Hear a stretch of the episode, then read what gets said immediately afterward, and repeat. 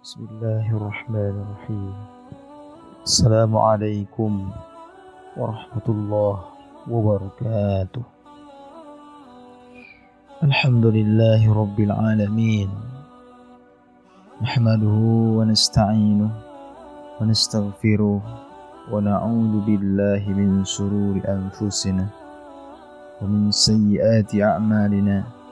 من يهد الله فلا مضل له من يضلله فلا هادي له. اللهم صل على سيدنا ومولانا محمد وعلى آله وأصحابه ومن تبعه بإحسان إلى يوم الدين. Sahabat-sahabat rahimakumullah.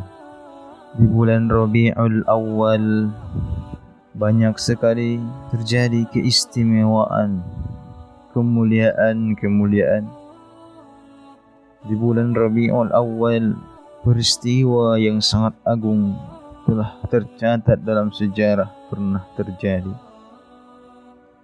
Di bulan Rabi'ul Awal Berbagai peristiwa dalam sejarah Islam telah menjadi catatan di dalam kitab-kitab sejarah.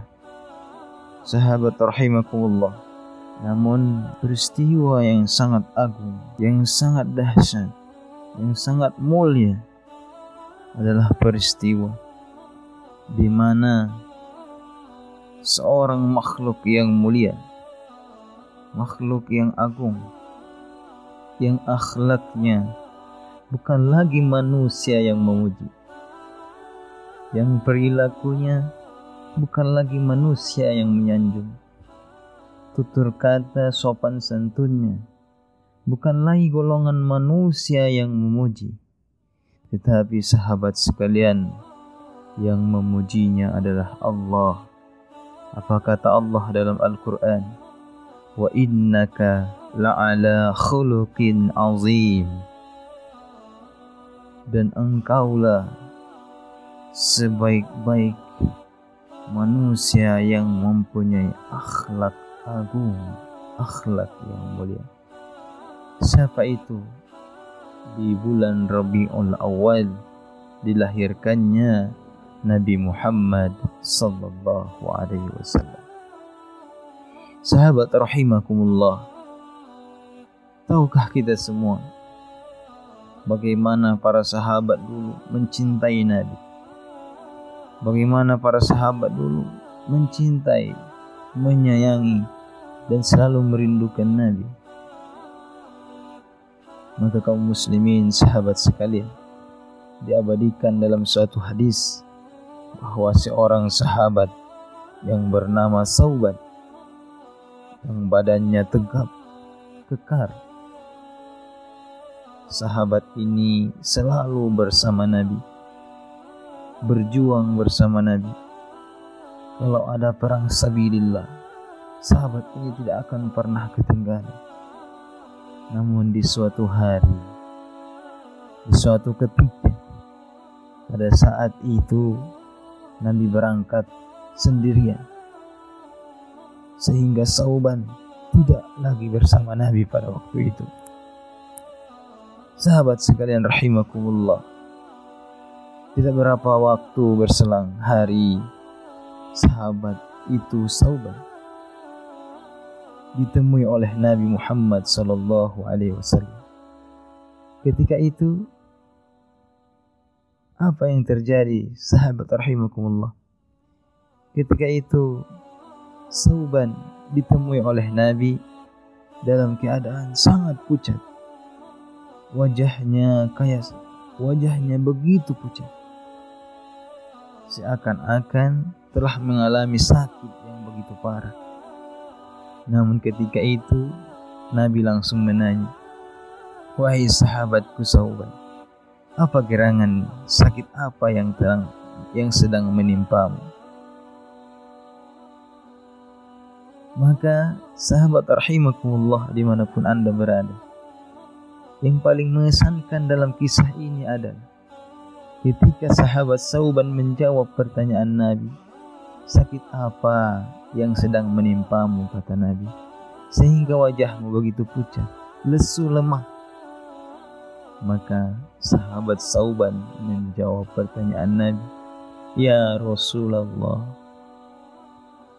tahukah anda wahai Rasul, bahawa ketika aku tidak melihat wajahmu satu hari saja, aku tidak bisa memakan apapun, aku tidak bisa minum, aku tidak enak makan, apalagi engkau meninggalkanku beberapa hari ya Rasul. Sungguh selama engkau meninggalkanku, sungguh selama aku tidak melihat wajahmu wahai Rasulullah, aku tidak pernah makan, aku tidak enak makan, aku tidak enak tidur. Ya Rasulullah, ketika aku tidak melihat wajahmu, Ya Rasulullah, ketika aku tidak melihat wajahmu, tidak menemukanmu maka kerinduan menyiksa diriku. Kerinduan menyiksa hati aku tidak bisa makan dan tidak bisa beraktivitas seperti biasanya ya Rasul. Wahai sahabat dimanapun anda berada maka hal inilah kecintaan seperti inilah yang harusnya kita coba bagaimana para sahabat mencintai Rasulullah? Bahkan dalam kisah tersebut ketika sahabat Sauban menjawab pertanyaan Nabi dengan pertanyaan dengan jawaban yang sangat luar biasa bahawa kerinduannya menyiksa tubuhnya karena saking cintanya kepada Rasulullah. Apa jawab Nabi kemudian Nabi tersenyum wahai para sahabat sekalian Nabi tersenyum mendengar jawaban Sauban Ketika itu Nabi langsung membacakan Al-Quran Surah An-Nisa ayat 69 Apa kata Rasul? وَمَنْ يُتِعِ اللَّهَ وَالرَّسُولِ فَأُولَٰئِكَ مَعَ الَّذِينَ أَنْعَمَ اللَّهُ عَلَيْهِمْ مِنَ النَّبِيِّينَ وَالصِّدِّقِينَ وَالشُّهَدَاءِ وَالصَّالِحِينَ Uhasuna ulaika rafiqa Apa kata Nabi? Nabi bacakan surah An-Nisa ayat 69 Siapa yang mentaati Allah dan Rasulnya Maka mereka itu akan bersama dengan orang-orang yang diberikan kenikmatan oleh Allah Yaitu minan nabiyyin Bersama dengan para nabi Wasiddiqin para pecinta kebenaran wasuhada wassalihin para orang-orang suhada dan orang-orang saleh hasuna ulaika rafiqa dan mereka itulah teman yang sebaik-baiknya. Maka ketika Nabi menjawab seperti ini coba bayangkan kaum muslimin rahimakumullah Nabi tersenyum menjawab Nabi tersenyum mendengar jawaban sauban. Ketika itu langsung membacakan surah An-Nisa ayat 69 bahawa mengatakan bahawa orang-orang yang mencintai dan menaati Allah dan Rasulnya maka mereka itu nanti akan dikumpulkan bersama orang-orang yang Allah beri kenikmatan.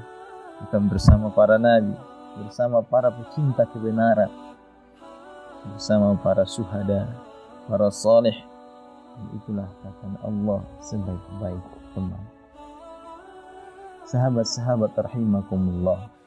Maka kecintaan-kecintaan inilah yang harusnya kita tiru kita contoh bagaimana para sahabat dulu mencintai Nabi bagaimana para sahabat dulu menyayangi Nabi. Maka hal itulah yang harus kita contoh sebagai umat sebagai umat yang betul-betul mencintai Nabi sahabat-sahabat rahimakumullah Maka di bulan maulid ini tingkatkan rasa kecintaan kita kepada Allah. Di bulan Rabiul Awal ini tingkatkan rasa sayang kita kepada Rasulullah. Dengan apa? Maka rahimakumullah sahabat-sahabat sekalian. Bagaimana kita meningkatkan kecintaan kita kepada Rasul? Maka di dalam sebuah kitab diterangkan bahawa ulama menyusunnya bukti kecintaan kita kepada Rasul adalah yang pertama nasruddin yaitu dengan menolong agama Allah memperjuangkan agama Allah. Ketika kita berjalan memperjuangkan agama Allah apa balasan yang Allah berikan? In tansurullaha yansurkum ketika langkahmu berniat untuk menolong agama Allah ketika tanganmu berniat untuk menolong agama Allah ketika pikiranmu berniat untuk menolong agama Allah ketika hartamu berniat untuk menolong agama Allah apa kata Allah? In tansurullaha yansurkum maka Allah akan menolong semua niat kita. Yang karena niat kita itu untuk menolong agama Allah. Kaum muslimin sahabat-sahabat rahimakumullah. Maka apa lagi yang harus kita buat untuk membuktikan kecintaan kita kepada Rasul? Yang kedua bahwa wa wa wa wa adabul wa ala syariatihi. Mengistiqomahkan selalu mengerjakan syariat-syariat yang dibawa Nabi. Namun yang seterusnya yang ketiga adalah mencontoh wa akhlaku bi akhlakin Nabi. Maka perilaku kita kita usahakan seperti bagaimana perilaku Nabi Muhammad sallallahu alaihi wasallam. Sahabat-sahabat rahimakumullah di mana anda berada. Semoga di bulan Maulid di bulan Rabiul Awal dengan kita dengar kisah-kisah para sahabat mencintai Nabi. Dan cara kita untuk mencintai Nabi mari kita implementasikan dalam kehidupan kita.